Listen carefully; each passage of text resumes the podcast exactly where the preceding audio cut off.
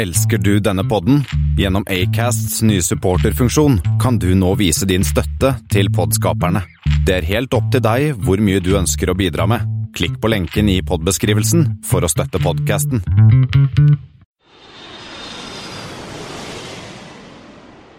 Hei og velkommen om bord på flypoddens flight 13. Det har blitt 1. mai, og det er arbeidernes dag. Og som vanlig så sitter jo altså da Christian Kamhaug. Og Thomas Lone. Vi sitter her og skal nerde med deg de neste eh, tre kvarterene cirka. Og eh, Thomas, du som er en god høyremann, eh, du har vel ikke gått i tog i dag? Det har dagen i dag har blitt brukt til indremisjon og rydding og styring og ordning og tilbringe tid med ungene. Men hvis du skulle gått i tog om noe flyrelatert, hvilken parole skulle du gått under da? Ja, det, det er to paroler jeg kunne gått under. Enten eh, La 747 leve, eller uh, Fornebu som nærflyplass. Det er en av de to parolene jeg eh, kunne gått under. Det er vel litt sent med flyplass på Fornebu nå, er ikke det? Det er vel, øh, Skulle vi vært ute med for 20 år siden, så hadde det kanskje gått an. Ja, nei, det er sant, det er kanskje litt seint. Men uh, vi kunne jo kanskje fått en liten nærflyplass på Hurum, da. Det hadde jo vært fint for meg som bor i Drammensområdet, òg for deg òg. For deg og meg hadde det vært med flyplass på Jeg ville nok gått i tog for eh, nei til midtseter. Eh, Widerøe har jo tatt deg på kornet der. De eh, tilbyr jo ikke midtseter i det hele tatt. Ja, det er sant. Så lenge de ikke må Wetbees en Fokker 100 igjen, så har de jo ingen midtsetere. Det er helt riktig. Yes, eh, har du vært noe på tur eh, siden sist da, Christian? Vet du hva, siden sist vi snakket sammen, så har jeg vært eh, helt på bakken. Jeg har eh, ikke vært noe på flytur, så det Men det har du, vel? Eh, På en liten rundreise både på Vestlandet og Nord-Norge osv. tidligere denne forrige uke. Denne uka her blir det rolig. Eh, blir en liten tur i neste uke. En liten tur til Trondheim. Men ellers lite. Ting begynner å roe seg nå for oss fram mot sommeren, og så eksploderer det igjen i august. Og jeg håper altså no, at de som lytter på oss i dag, hører at vi har oppgradert Ja, vi har jo, i og med at vi har fått uh, såpass uh, fine følgere som støtter oss via Patron, så kan vi rett og slett uh, gå til innkjøp av opptakstjenester fra profesjonelle. Og da um, har vi gjort det, og forhåpentligvis så vil det resultere i bedre lyd for dere som hører på. Så til deg, Hans Petter, eh, nå bør lyden være bra. Yes, det har skjedd litt i verden òg siden uh, den uka siden sist vi var på. Uh, det, har kommet uh, en eh, ny ruteåpning som har eh, Ja, det var vel kanskje den dårligste tiden å åpne en rute på ever. I, eh, i alt, alt det der som har skjedd nå med Norwegian og spekulasjoner og IAG og eh, A320 og bestillinger og alt mulig, så har vi jo helt eh, mistet en eh, annonsert ruteåpning, Thomas. Og det er eh, russiske Nordavia, som starter en direkterute mellom Murmansk og Oslo. Nå fra 4. juni til 21. oktober, én gang i uken, sier de. Men det, eh, nå, sier jo Viktor Anushkin, som er kommunikasjonssjef i Nordavia, han sier til Barents Observer at dersom ruten blir tatt godt imot, kan det hende at de øker både antall ukentlige avganger og forlenger den til etter 21. oktober også. Um, Og det som er ekstra morsomt med denne ruta her, da, det er jo det at eh, det er jo lenge siden det har vært skal vi si, faste 737 Classic-maskiner på eh, Oslo Gardermoen. Er det ikke det, Christian? det stemmer. Og eh, Nordavia har en sånn blandet 737-flåte, men de har bl.a. ni eh, 737-500, og det er 737-500 som skal fly på Oslo. De kjører 132 seter, og det som er, det som er morsomt med, med Classic, men som er enda morsommere, er jo at en av de ni flyene er jo gamle LNBRD, som eh, SAS og Bråten hadde fra 1990 til 2007. Ja, riktig. Så det, den får et gjensyn med Oslo lufthavn, rett og slett. Ja, vi får, vi får håpe det, altså. Vi får håpe det. Den er fremdeles i drift, uh, sier de. Så uh, hvem vet, kanskje han dukker opp igjen på Gardermoen, og kanskje han blir gjenkjent av spotterne der oppe. Kanskje vi på Flypodden er nødt til å dekke den? Ta en rundtur mellom Murmansk og Oslo? Det hadde vært, det hadde vært noe, det. Ja, det er jo ikke første gangen at det går fly mellom Norge og Murmansk. Både Widerøe og Bråten fløy jo en sånn både fra Tromsø og fra Kirkenes. Lurer på om ikke Arctic Air også en liten periode fløy Kirkenes-Tromsø med en sånn Dornier eh, Nei, sorry, Kirkenes-Murmansk med Dornier 228. Eh, og det er jo Jeg er litt overrasket over at Murmansk dukker opp, for det er jo først så er jo ikke forholdet mellom Norge og Russland sånn helt på topp om dagen. Og Murmansk er jo en by med nå er det 300 000 innbyggere. Ja, det stemmer. Og hvem, hvem, skal reise fra Norge til Murmansk, og hvem skal fra Murmansk til Norge? Jeg er litt, jeg er litt usikker. Men vi får se. Vi får håpe at, eh, at de får fylt den kjerra begge veier, og at, eh, og at Viktor Anorskin kan holde det han lover å øke til kanskje enda flere. Kanskje gjøre den fast ute. Hvem vet? Det blir spennende å se. Eh, nå har vi jo fått bekrefta det som vi har snakka om i en tidligere pod. Da snakka vi jo med en som faktisk hadde flydd denne ruta her før han ble lagt ned. Vi snakker jo selvfølgelig om eh, Singapore til New York, som da blir verdens lengste kommersielle flyrute. Det er den 19 19 timer lang eh, flight, Thomas. Du som kan alt om eh, distanser, vet du hvor lang den er Også? Ja, den er vel i, rett i overkant av 15 000 km. 15 300 km eller noe sånt. Så det er jo eh, fryktelig langt.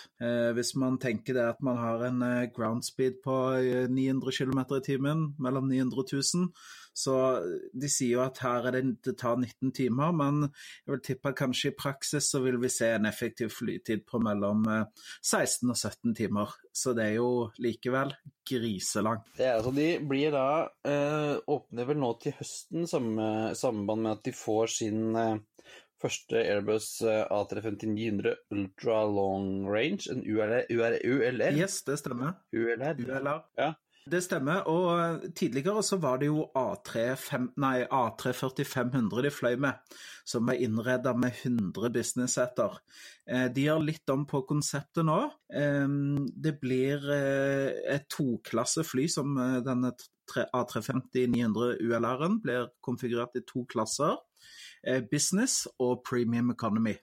Så det, her vil det kun være gode seter eh, tilgjengelig for, eh, for, å sitte i opptil 19 timer. Vet du hvor mange seter de skal ha inn? Nei, du, Det fikk jeg ikke med meg. Ja, Hvis du skal spekulere litt, så ja, kanskje vi snakker om en 80 eh, business-seter og et sted mellom 40 og 50 premium economy-seter kan jo kanskje være uh, naturlig å tenke seg. De ville jo ha det til at uh, det var jo ikke noe problemer å fylle de 100 business-setene ut ifra um, New York og Singapore, så et tviler på at de vil gå så mye ned fra 100 seter eh, på business. Eh, og så vil de heller kanskje følge på litt da med, med, premium economy for å fange opp på en måte de som ikke har helt den betalingsvilligheten for business, men gjerne der som selskapene har en eh, reisepolicy som tillater bruk av premium economy. Så jeg tror nok det kan være ganske lurt å ha noen premium economy-seter i den bussen der, for det, da får man tilgang til et annet eh, passasjergrunnlag i tillegg til kun de som da kan fly business. Det blir uansett en lang tur. Jeg tar den gjerne hvis noen eh, påspanderer meg på den, hvis noen hører. Jeg flyr gjerne den turen der. Vi hender vel at eh, Henrik Halvold, som er Singapores mann i Norge, hører på oss. Og hvis du hører på oss, Henrik, så Altså, her er det en helt åpen invitasjon. Vi ønsker gjerne en invitasjon. Vi blir gjerne med. Dekker den, der, den turen, vi. Det, det, er noe de sier. Be careful for what you wish, it might come true. Ja, men jeg tror jeg skal nok overleve 19 timer, altså. Yes. Tror det. Ja, det har jo kommet litt eh, passasjertall eh, for de nordiske flyplassene i, mars. Du er jo vår eh, tallknuser, Kristian. Kan du ikke ta oss gjennom de? Jo, det har, som sagt, det har skjedd så mye de siste ukene at vi har jo helt eh, glemt å se på passasjertallene for eh, mars. Uh, og de har kommet nå. Um, nummer én i mars var København med 2,3 millioner passasjerer. Uh, de sier at det er den travleste måneden i Københavns uh, 92-årige historie. Nei, det er ikke verst. Men altså, det er en økning på en 4,5% men vi må tilegne noe av det påskeeffekten. Vi ser at det er en nedgang på dansk innenriks, så en økning på 20% på intercont og 10% på charter i forhold til fjoråret. Og noe av det er nok, det er nok eh, påsken, altså. Det er mye påsketurister på tur. Det er det nok. Og vi ser den samme påskeeffekten på OSL også, hvor eh, utlandet er opp 6,8 og innlandet er ned 3,7% Totalt opp 2% til 2,27 millioner passasjerer, så det er jo ikke mye som eh, Eh, skiller Oslo og København denne måneden? Nei, det er ikke det. Det er en 110 000 ca. Ja, det er ikke mange 7000, det, altså. Nei, ja. Um, Stockholm handler på en tredjeplass, som nesten som vanlig, vil jeg si, med på 2,2 millioner passasjerer. Opp 5 eh, Utland pluss 8, innland minus 4. Igjen påskeeffekt i Sverige også. Um, og på en god fjerdeplass finner vi Helsinki med 1,7 millioner passasjerer, som er opp, hold deg fast, 13,5 Oi, 13,5, ja. det Og der er det økning over hele fjøla, så der er det ikke mye påskeeffekt å finne. Nei, riktig. Det, ja, men det har vi jo sett nå over de månedene vi nå har fulgt Helsinki Helsinki-flypodden, at det er jo et tosifra antall prosentøkning prosent økning hver eneste gang. Så det er jo det er imponerende igjen. Det kan ikke si noe annet enn det. Ja. Jo Den pressemeldingen som de sendte ut i forbindelse med første kvartal, da, så sier de at de har en, en tro om at de kommer til å passere 20 millioner pax i år. Ja, riktig. Da, da, begynner de jo å nærme seg å spise kirsebær med de store i, i sånn nordeuropeisk sammenheng, i hvert fall. Ja da, altså det Finnene de spiser godt av kaka. altså det jeg er imponert. Vi må sjekke, sjekke hva som skjer. Det er noe sisu-greier som foregår borti der, altså. Blir, vi må sjekke det ut. Yes, vi hadde jo i forrige episode så snakket vi om Air Belgium, og vi fikk jo fasit på om det nye designet på flyene til Air Belgium, om det var tacky eller classy. Eh, der stakk jo Classy av med en eh, god eh, seier, med god margin. Det er fake news. Det er, det er fake news.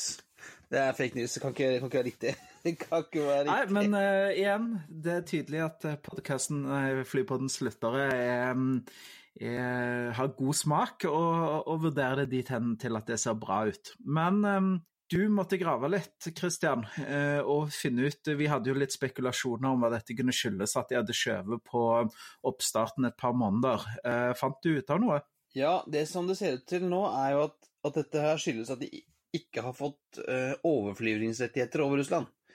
Uh, og dermed så klarer de, ikke, til, klarer de ikke å fly fra Belgia til Kina om de ikke får fly over Russland. Det er jo mange andre flyselskaper som sliter med det samme. Uh, vi snakket jo med Lasse Sanna Knelsen i Norwegian i flight 4, var det vel, som også nevnte at det er det som de sliter med, og gjør at ikke de kan åpne særlig ruter mellom Skandinavia og Kina eller Asia nå, fordi at de får ikke lov til å fly over Russland. Uh, men jeg vil jo si at skal du drive flyselskap, så må du jo finne ut det, det før du begynner å selge billetter. da. Uh, her tror jeg det er noen, noen nedi, nedi i Charleroi som har tatt en, en råsjanse på at ja, ja, men russerne de sier ja til slutt, så vi, vi, begynner å selge, og så har de ikke fått det plass. Det er jo uh, ja, ikke så veldig bra.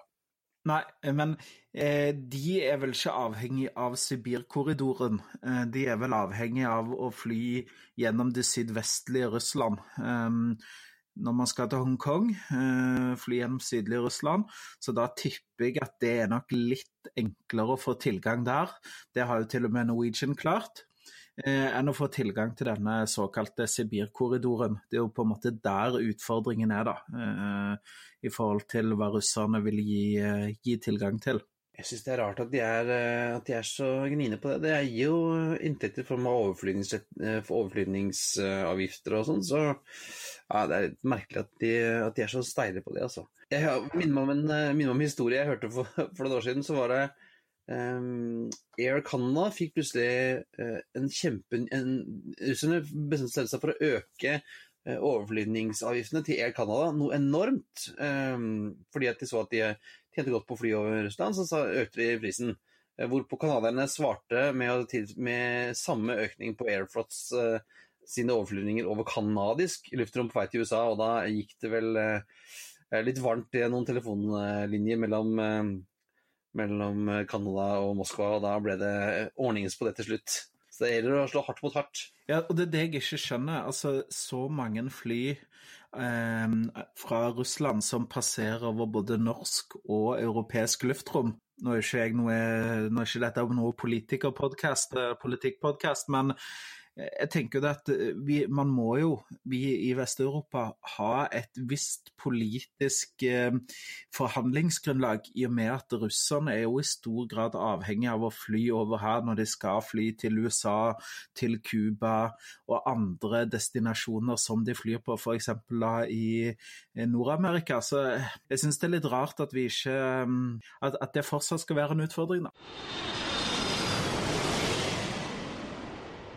Og så har vi da Vi har, vi har jo kalt ukens episode for eh, Airport spesial. Eh, og du er jo en, eh, en airport, eh, en flyplass-nerd, Thomas, av, av, dimensjoner. Du leser jo flyplassmagasiner og er vel veldig litt mer opptatt av flyplassene enn meg, tror jeg. Jeg liker jo veldig godt fly og flyselskaper og alt sånt, men, men en del av den infra infrastrukturen som må til flyplassene. Det har alltid tiltalt meg.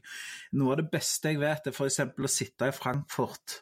Og når jeg ikke sitter i loungen, men kan sitte og vente med gate, og så bare tenker jeg om tolv timer så er alle disse menneskene her spredd rundt for hele verden. Det er fantastisk å tenke på. Um, så ja, jeg er en flyplassmann. Jeg eh, liker å følge med på hva som skjer i flyplassverden.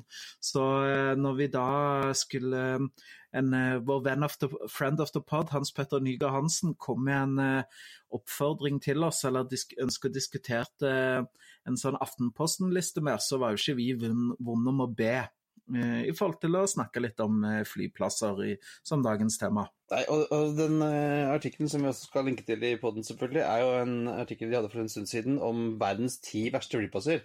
Og Der er det jo uh, litt av en liste. Du har Port Harncourt, uh, Nigeria, Jeddah, Saudi-Arabia, Katmandu, Nepal, Tashkent, Usbekistan, Caracas, Venezuela, Port-au-Prince, Haiti, Kabul, Afghanistan, Ho Chi Minh, Vietnam, Islamabad og mm, Paris-Bouvet. Jeg har ikke vært på noen av de, Thomas. Har du? Jo, det har jeg. Jeg har vært på Ho Chi Minh av alle disse her.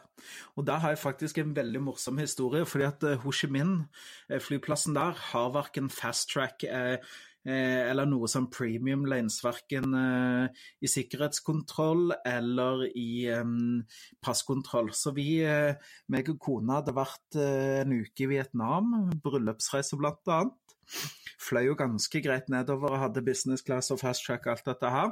Men eh, når vi skulle tilbake fra Ho Chi Minh og til Bangkok, så stoppa jo det opp. Der, der, er det ingenting. Vi hadde vært litt ute på galeien, var litt uh, ikke helt i vater. Eh, dagen derpå, vel å merke. Så vi eh, sjekket inn og stilte oss i kø, og aircondition funka dårlig, det var varmt og klamt og hele pakka.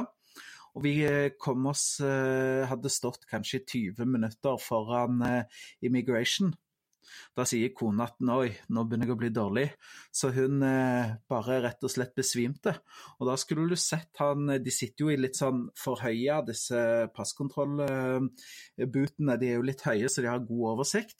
Og da var det en før hun, eh, før jeg fikk tatt imot hun og lagt henne ned på bakken, så kom det en sånn eh, streng vakt med rullestol og kjørte oss rett gjennom diplomatpassportsjekken og og eh, rett igjennom eh, diplomatsikkerhetskontrollen og hele pakka. Og ja, da ble det visst fast track likevel. Så eh, jeg sa det til kona at tydeligvis, etter å ha vært på reise en del år og nytt godt av både gullkort etc., så har hun blitt allergisk mot å stå i kø.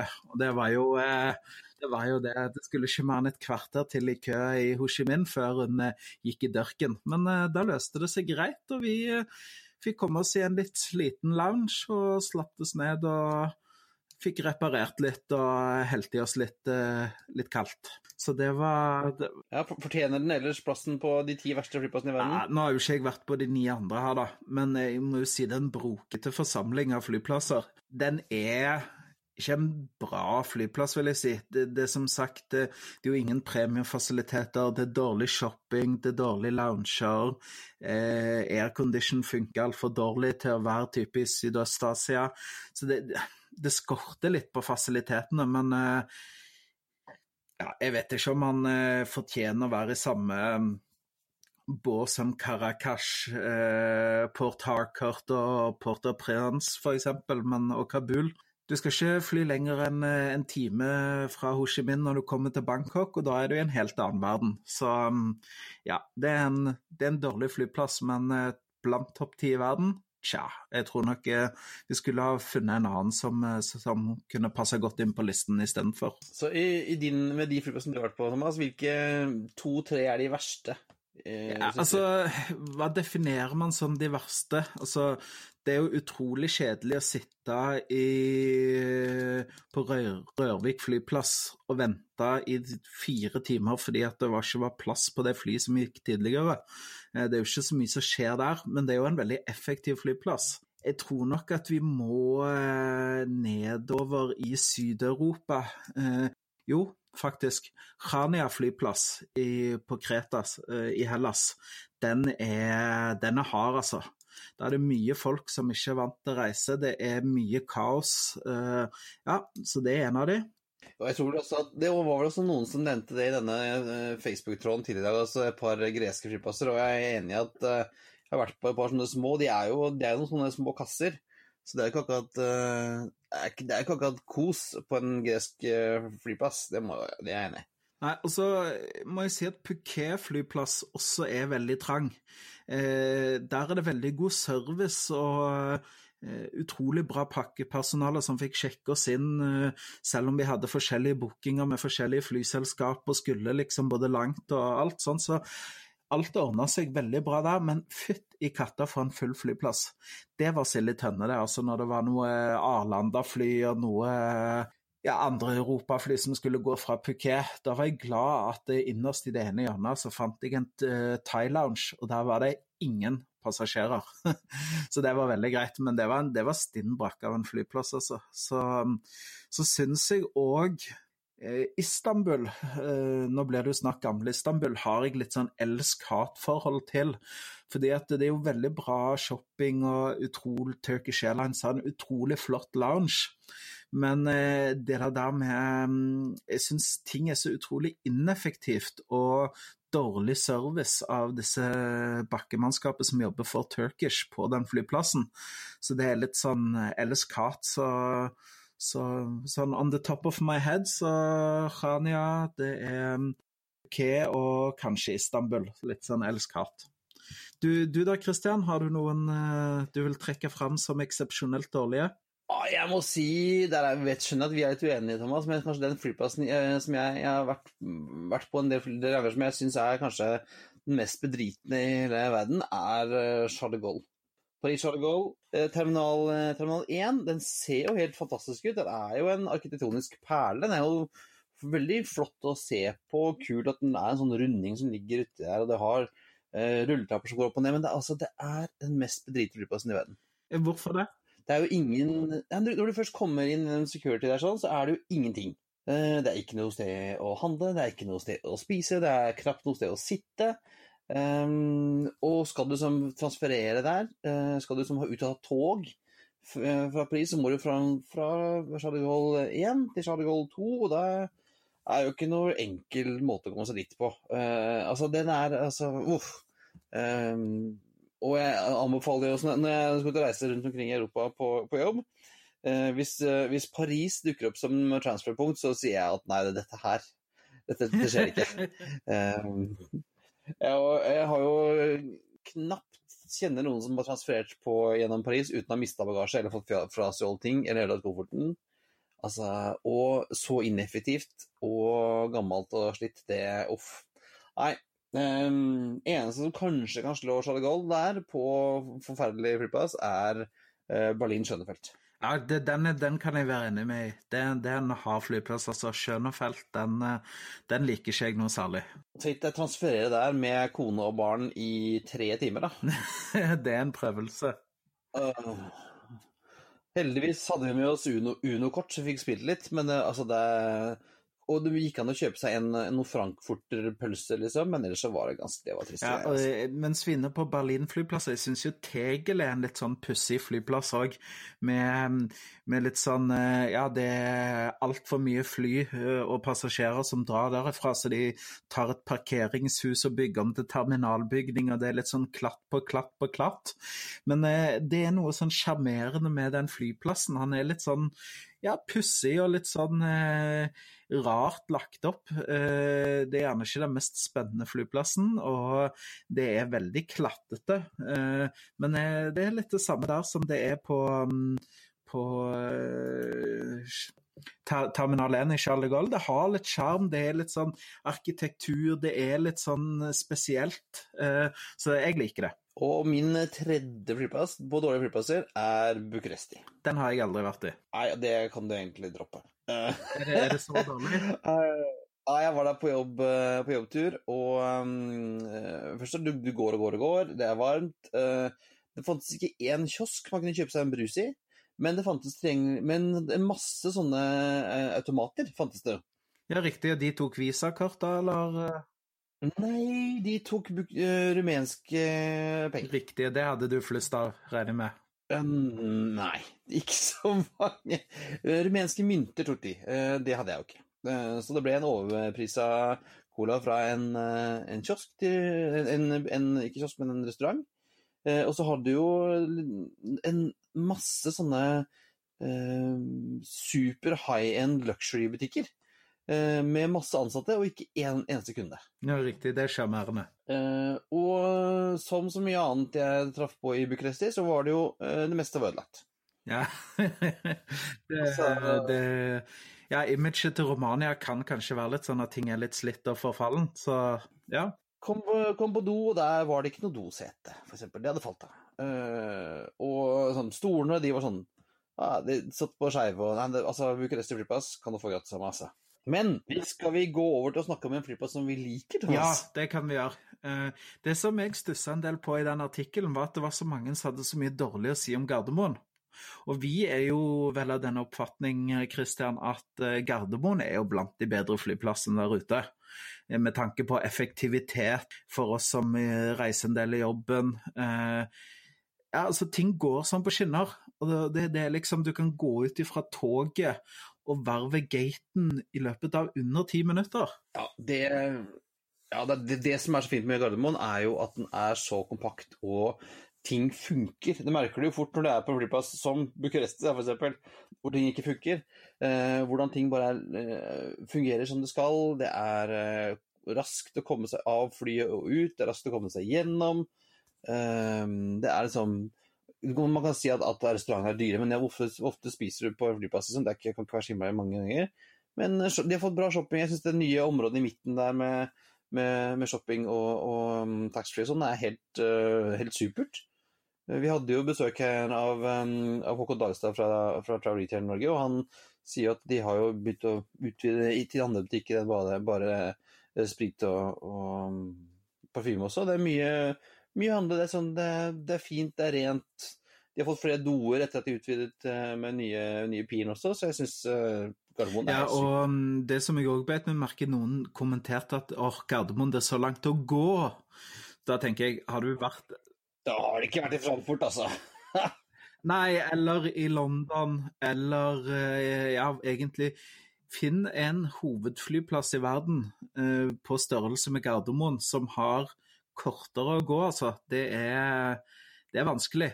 Og jeg husker vi, når jeg så hadde vi en sånn kvalitetsmåling hvor vi spurte passasjerene om deres oppfatning av kvaliteten på produktet vi leverte. Eh, og da var Et av spørsmålene var hvor uh, lang tid folk oppfattet at det tok å ta bagasjen. Ja, var Oppfatning og, og reell fakta er jo litt, litt forskjell. Men jeg husker at London Heathrow var den flyplassen som nesten alltid fikk best score på hvor lang tid de oppfattet at det tok å få bagasjen, mens Gardermoen fikk dårligst score. Ja, Det er jo ikke så rart, fordi at du må jo gå i en halvtime til, uh, fra flyet til uh, bagasjebåndet på London Heathrow, så det er jo klart bagasjen har kommet da. Da ligger han jo der bare og venter på båndet. Ja da, så uh, Oslo fikk dårligst score av passasjerene, og, og Heathrow fikk blant de beste, mens faktisk bagasje, altså kvalitet, faktisk tid fra bagasjen gikk av flyet til den var på båndet, var jo aller best på Gardermoen og aller dårligst på Heathrow. Men som sier, da har du gått en halvtime da, før du kommer fram. Da står jo bagasjen og venter på deg når du, når du kommer på båndet på Heathrow. Mens du rekker jo knapt å tømme maskinen før du er ved båndet på Gardermoen. Det er litt sånn uh, ja, litt, litt, urettferdig. Ja, jeg ser den. Men Kristian, uh, har du noen flyplasser ute i den store verden du synes uh, riktig godt om? Jeg er jo en veldig stor fan av Heathrow, jeg faktisk. Eh, særlig terminal 2 og terminal 5 syns jeg er helt eh, fantastisk. Du må gå litt, men uh, veldig fine terminaler. Nok å gjøre, nok å bruke tid på der, der ute.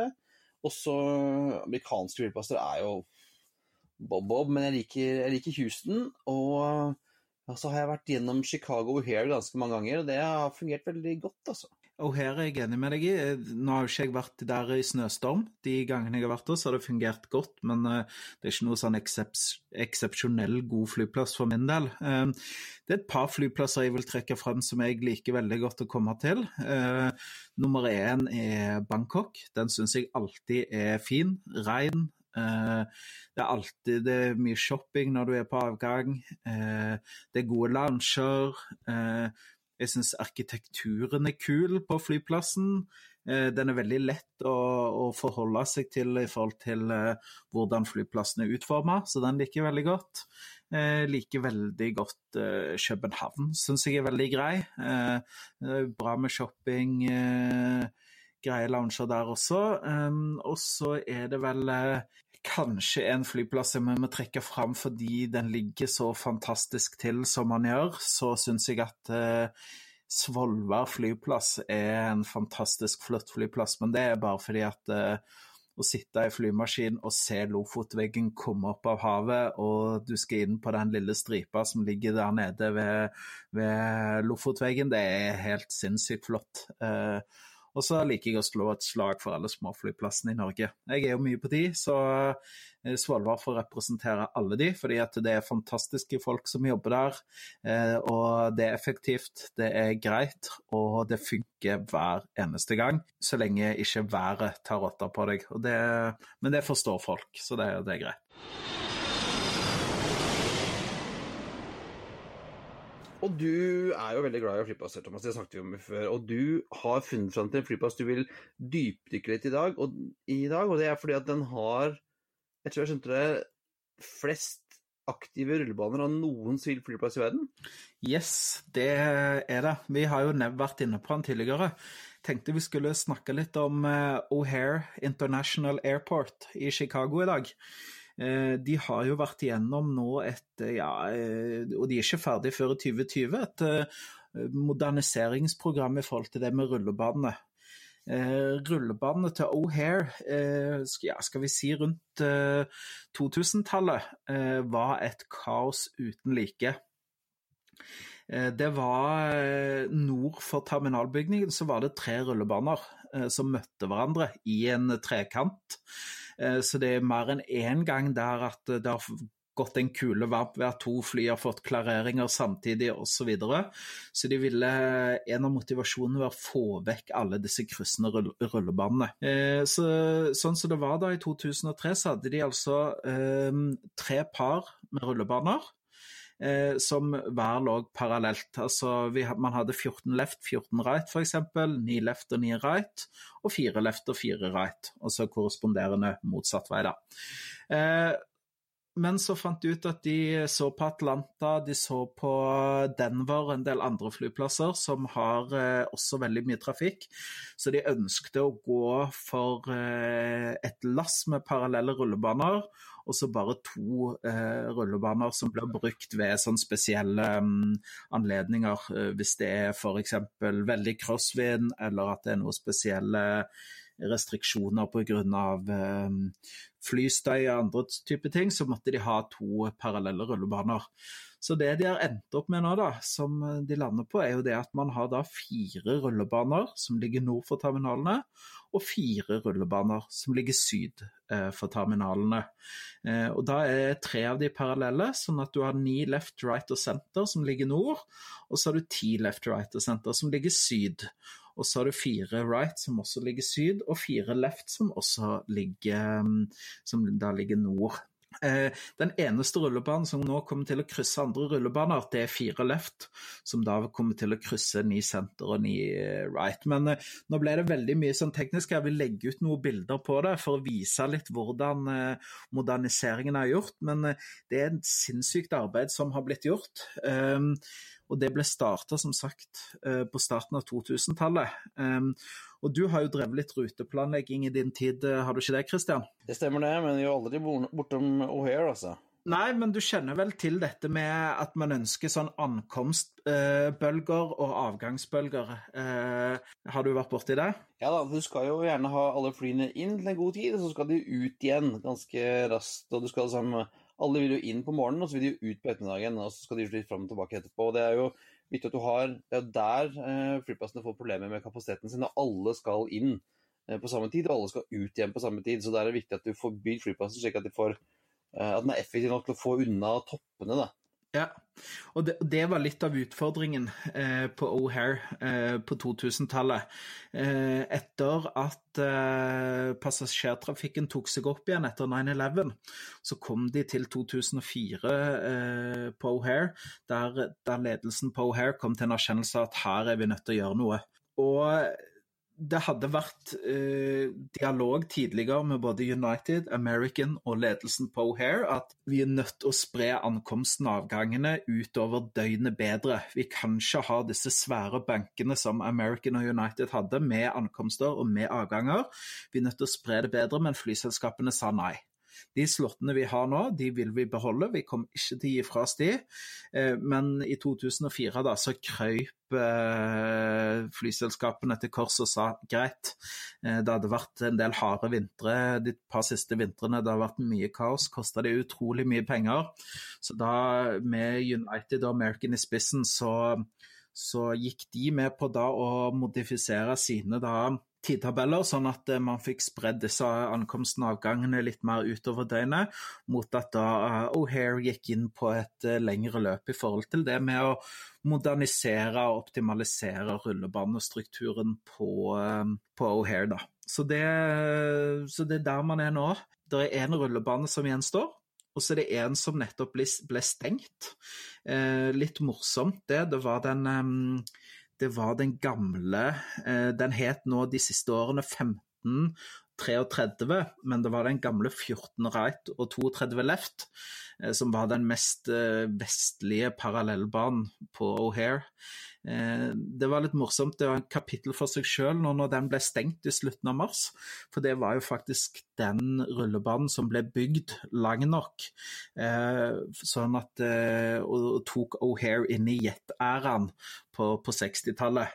Så den har vært med helt siden første jetfly da landa på O'Hare og tok av, til nå når han ble stengt i mars. Men han lever videre eh, som en taksebane, Sierra Sierra, så, så, det vil bli mulig da å takse nedover den rullebanen eh, i framtiden. Og det er jo Chicago Here er jo nå USAs nest mest uh, trafikkerte flyplass etter eh, Atlanta. Det stemmer.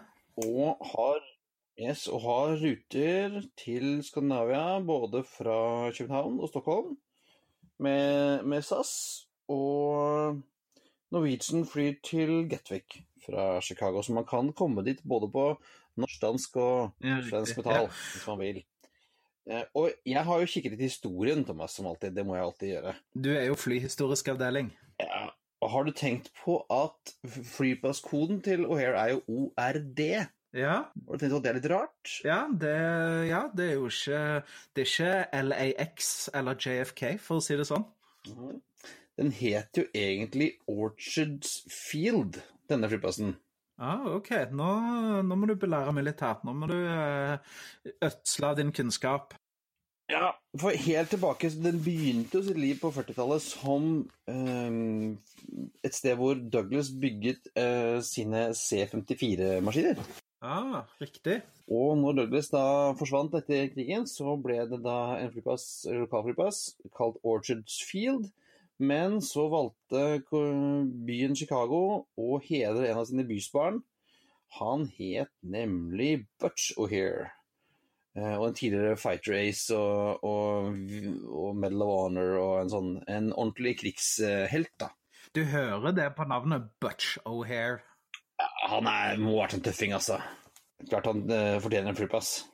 Det, det, håper jeg at jeg òg gjør, når jeg, trekker, eh, når jeg, trekker, min båt på land. Eh, og Forhåpentligvis om mange år så håper jeg at noen sier at denne flyplassen den, den skal vi kalle opp etter Thomas Lone. Nå blir lokalflyplassen i Drammen, da? eller? Ja, i Hokksund. Hokksund City Airport. Ja. Ja.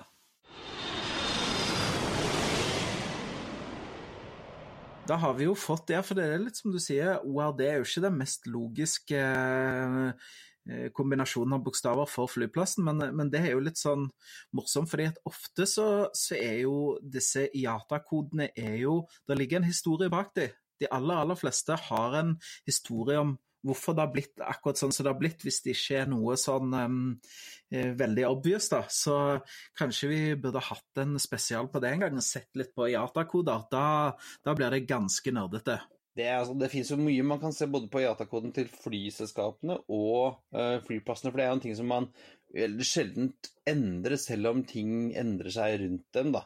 Så det er mye, mye, morsomt, mye morsomt. Der, skal vi nok snakke med en ekspert, uh, Kjell Oskar Granlund, som er en sånn Han, han er god, veldig god på det. Det kan vi få med han, tror jeg vi skal gjøre.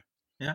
Jeg kan jo nevne det jeg hørte her en, en dag på YouTube, disse ATC-rekordingene.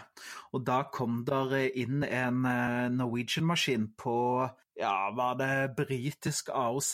De har vel callsign Rednose. Og da måtte disse her flyvelederne De skjønte ikke helt Rednose var greia, så de spurte pilotene oh, what's up with, your, with the new callsign. Uh, og så sa de det at ja, it's on the British AOC, eller noe sånt greier. Og så bare kom det anonymt på radioen, da. Race to the bottom. Så det er tydeligvis at det, det er en del meninger om, om dette her borte i, Uniten. Jeg har også hørt en historie om en dame som ble Hun var litt omfangsrik, kan du si at hun var. Skulle sjekke inn bagasjen sin. Det var sånn back in the day hvor man ikke sjekket på med automat, men man sjekket inn på skranke og fikk sånn fin papirlapp hengende på kofferten. Og hun klagde da til flyselskapet fordi at hun følte at hun var blitt trakassert av personalet. Fordi at det sto 'heavy' på kofferten? Nei, for det sto 'fat' sto det på den. Hun skulle til Fresno, California, og det er EATA-koden FAT. Yes. Nei, det er mye gode anekdoter der ute, men eh, kanskje du uh, anbefaler oss noe da, Christian? Hvilket, uh, hvis man skal delta på én, ett evenement denne våren, hva vil du anbefale? Da vil jeg selvfølgelig anbefale å bli med på Pints and Points sammen med Final Call, og selvfølgelig også livepod med Flypodden, som skjer den 14. mai klokken 17.30. Ja, og det skjer på Bear Palace på Aker Brygge i Oslo, gjør det ikke det? Bear Palace Aker Brygge i Oslo. Da Vi nevnte jo tisa litt med, litt med det forrige uke, da så hadde vi fått feil dato. Eller vi endret datoen. Og vi får besøk av Gonzalo Palufo, som er salgssjef for Aeroflot i Norge. Så vi skal prate litt med han og snakke litt om Aeroflot. Og jeg har et spørsmål jeg skal stille han som kanskje kan være litt tricky. Men det får vi se. Vi skal i hvert fall prate litt, og vi skal drikke litt øl, og vi skal nerde litt sammen med gode flynerdvenner. Så hvis du vil være med på det, så går du bare inn på flypodden.no på denne episodens side, og så melder du deg på der via Facebook. Det blir gøy, og så ses vi da den 14. Det håper jeg på at vi gjør. Eh, neste uke så skal vi jo også opp på OSL. Eh, ikke bare at vi er der i jobbsammenheng, vi drar der opp frivillig privat òg. Og vi skal snakke med Martin Langås, som er Director Traffic Development and Cargo. Og selvfølgelig en friend of the pod. Eh, vi har jo planlagt en del spørsmål til Martin. Eh, men hvis det er noe du lurer på, som lytter på oss om flyfrakt, så vil du bare sende inn spørsmålene dine til hallo at flypodden.no, så skal vi se om vi får til å ta det med Martin. Jeg gleder meg veldig. Vi har jo sendt inn all informasjon, så vi skal ut på tarmac og sparke i en skyfrysjudekk forhåpentligvis, og være litt up close and personal med noen svære fraktmaskiner. Det blir en, en gøy dag på jobben. Rett og slett være litt hands on. Oh yes. Da er det jo, blir det mye fisk. Vi, vi er jo litt spent på Altså, Vi vet jo at det går mye fisk ut, men hva er det som kommer inn? Er det noe i det hele tatt? Det får vi finne ut. Yes, det var alt for i dag. Gå inn på flypodden.no for å finne linker til det vi har snakka om i dag. Eh, ikke glem å abonnere på Flypodden i iTunes, og gi oss gjerne en fin rating. Du finner oss også på Twitter på atflypodden og på facebook.com slash flypodden. Har du tips eller spørsmål, vil du være gjest eller vil du sponse oss, så sender du oss en mail på hallo at flypodden.no. Takk for nå, og velkommen om bord neste uke. We thank you for flying with us today. We truly appreciate your business and look forward to serving you on a future flight.